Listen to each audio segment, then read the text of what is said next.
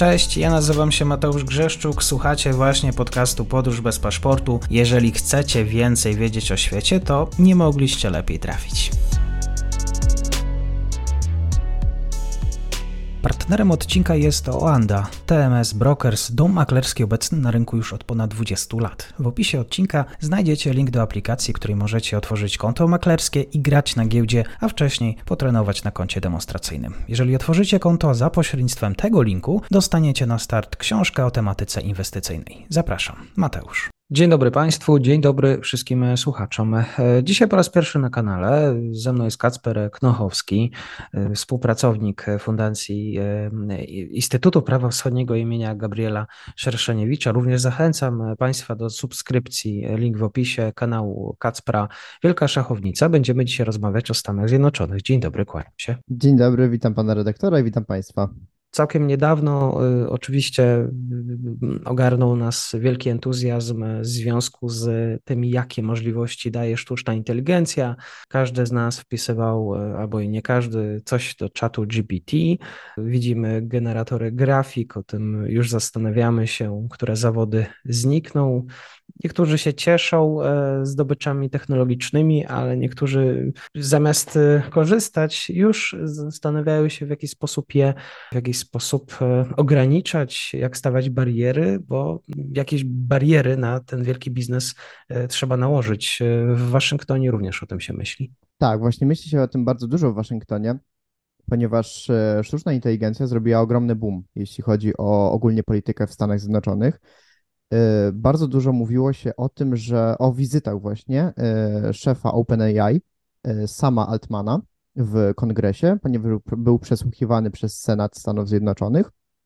I właśnie tam padły różnego rodzaju słowa o tym, że, że może to prowadzić do, do złych rzeczy, że może to być pewnego rodzaju mechanizm, który no jednak może spowodować różnego rodzaju zawirowania na rynku ale z drugiej strony są również osoby, które uważają, że sztuczna inteligencja przysporzy bardzo dużo dobrego dla, dla współczesnego świata, ponieważ jest to mechanizm, który pozwala na pewnego rodzaju szybsze wyszukiwanie informacji. Tak więc głosy są różne, tak samo jak partie w Stanach Zjednoczonych są różne i różne są, y, różnie do tego tematu podchodzą. W takim razie, jakie pomysły się pojawiają z konkretnych stron? Pojawiają się konkretne pomysły takie, żeby uregulować e, ogólnie sztuczną inteligencję i ją w pewnym stopniu opatentować. Co to oznacza? Oznacza to, że sztuczna inteligencja nie będzie mogła być wykorzystywana na przykład w takich dziedzinach jak medycyna, ponieważ niektórzy wpada, wpadali na pomysły, żeby wykorzystywać tą sztuczną inteligencję, ten research, który przeprowadza sztuczna inteligencja, do różnego rodzaju na przykład badań lekarskich. Drugą właśnie sprawą, y, która, która, również, którą, którą również rozważa się w kwestii ograniczenia właśnie sztucznej inteligencji, są to kwestie właśnie finansowe. No i również finansiści uważają, że sztuczna inteligencja nie, nie da rady posługiwać się danymi w taki sposób, jak robi to człowiek, jak robi to analityk czy różnego rodzaju ekspert do spraw rynku. Ale z drugiej strony y, pojawiają się różnego rodzaju głosy, że sztuczna inteligencja po prostu pomaga w niektórych kwestiach i może w pewnym stopniu usystematyzować pewne kwestie dla, dla szybszego przysporzenia przez, przez użytkowników, ale właśnie też yy, nawiązując tutaj jeszcze, jeszcze yy, do tej złej strony sztucznej inteligencji, ostatnio właśnie widziałem wywiad y, z pewnym ekspertem w Stanach Zjednoczonych, który analizował zdjęcia, które generuje sztuczna inteligencja i powiem szczerze, że na początku, jak widziałem te zdjęcia, to widać było, że jest to wygenerowane przez sztuczną inteligencję, przez różnego rodzaju grafiki. Teraz już moje oko, może nie takie ostre, ale, ale jednak troszkę mam do czynienia ze sprawami e, związanymi z IT, to już trudno jest wykryć to, czy to zdjęcie jest zrobione w realu, czy jednak jest to wygenerowane przez sztuczną inteligencję. Więc mhm. znowu. Kolejna jeszcze ważna kwestia to też, że też wspominałeś na swoich social mediach, że bardzo wątek ważny jest również ten chiński, o tym, jak współpracować z Pekinem w tym obszarze. Właśnie bardzo trudno będzie współpracować z Pekinem w tym obszarze, bo nawet teraz widać, y, ostatnio doszło do spotkania ministrów na przykład spraw zagranicznych, tam Antony Blinken przyjechał do Szwecji i spotkał się z wysokimi urzędnikami Unii Europejskiej i również temat sztucznej inteligencji był tam poruszany. Na pewno Waszyngton będzie chciał jakoś współpracować z Brukselą w tej kwestii, żeby to uregulować, pewne, pewne, pewne sprawy. W ogóle takim bezprecedensowym miastem, które wprowadziło jakiegokolwiek, jakiekolwiek regulacje jest to Nowy Jork. E, I to właśnie nie w kwestiach takich, jak dużo osób mówi właśnie i pisze na internecie, że, że to najpierw dziennikarze stracą, na przykład władzę, czy stracą pracę, czy też humaniści, ale e, również tam właśnie zostało jako pierwsze uregulowane sprawy związane z HR-em, e, czyli z zarządzaniem zasobami ludzkimi. I co to oznacza tam?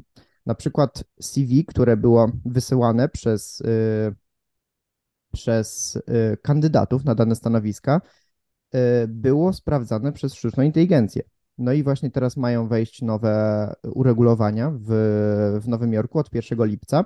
O tym pisał New York Times, y, które właśnie będą bardziej przejrzyste dla, dla kandydatów oraz y, audyty mają być przeprowadzane przez niezależnych właśnie inspektorów.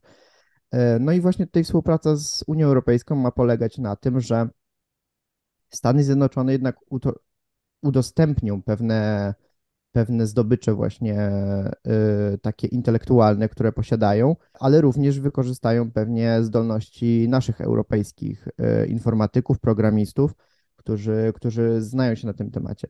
Z Chinami wracając, będzie dużo trudniejsza sytuacja, ponieważ Chiny same prowadzą wyścig z Stanami Zjednoczonymi, jednakże y, o ile kwestia sztucznej inteligencji nie została uregulowana w Stanach Zjednoczonych jeszcze, no tam oprócz oczywiście tej sprawy właśnie w Nowym Jorku, to w Chinach została bardzo uregulowana i tak naprawdę sztuczna inteligencja jest tam kontrolowana przez rząd chiński.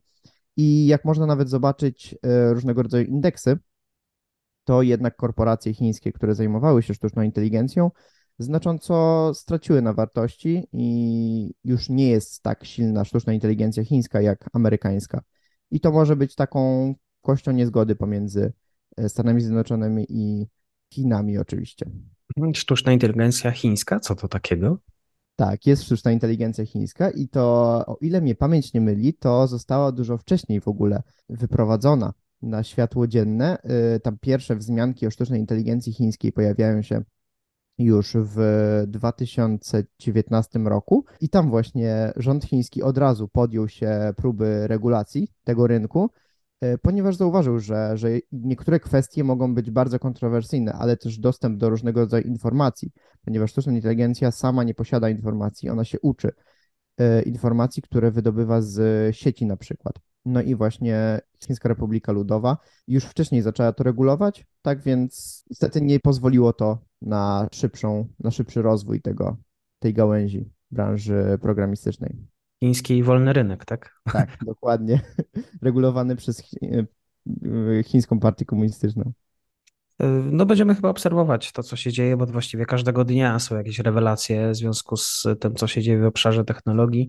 Unia Europejska też e, ma swoje pomysły, Stany Zjednoczone, Chiny. No, pytanie, kto stworzy ten chyba najlepszy model w takim razie? Tak, właśnie. Pytanie o to, kto stworzy ten najlepszy model, tylko y, z drugiej strony rodzi się pytanie, na ile w ogóle, bo to jest troszeczkę taka, taki pokaz siły pomiędzy rządem a grupami lobbyingowymi, lobbyingowymi w Stanach Zjednoczonych, ponieważ rząd, oczywiście Joe Bidena, chciałby to uregulować, ponieważ no, widzi te e, właśnie takie złe strony, złe, mroczne strony, jak czasami to właśnie jest pokazywane, a z drugiej strony jest lobby, które po prostu chciałby, chciałby sprzedać, chciałby wyprodukować jak najtaniej produkt i chciałby go jak najdrożej sprzedać, bo teraz nawet przecież powstały licencje na sztuczną inteligencję, żeby, żeby wydobywać lepsze, bardziej sprawdzone e, informacje i żeby nie, e, żeby one nie były, żeby już sztuczna inteligencja nie była tak niedoskonała, jak na przykład e, bardzo znana była sytuacja w E, Stanach Zjednoczonych, kiedy jeden prawnik właśnie użył sztucznej, sztucznej inteligencji do napisania pisma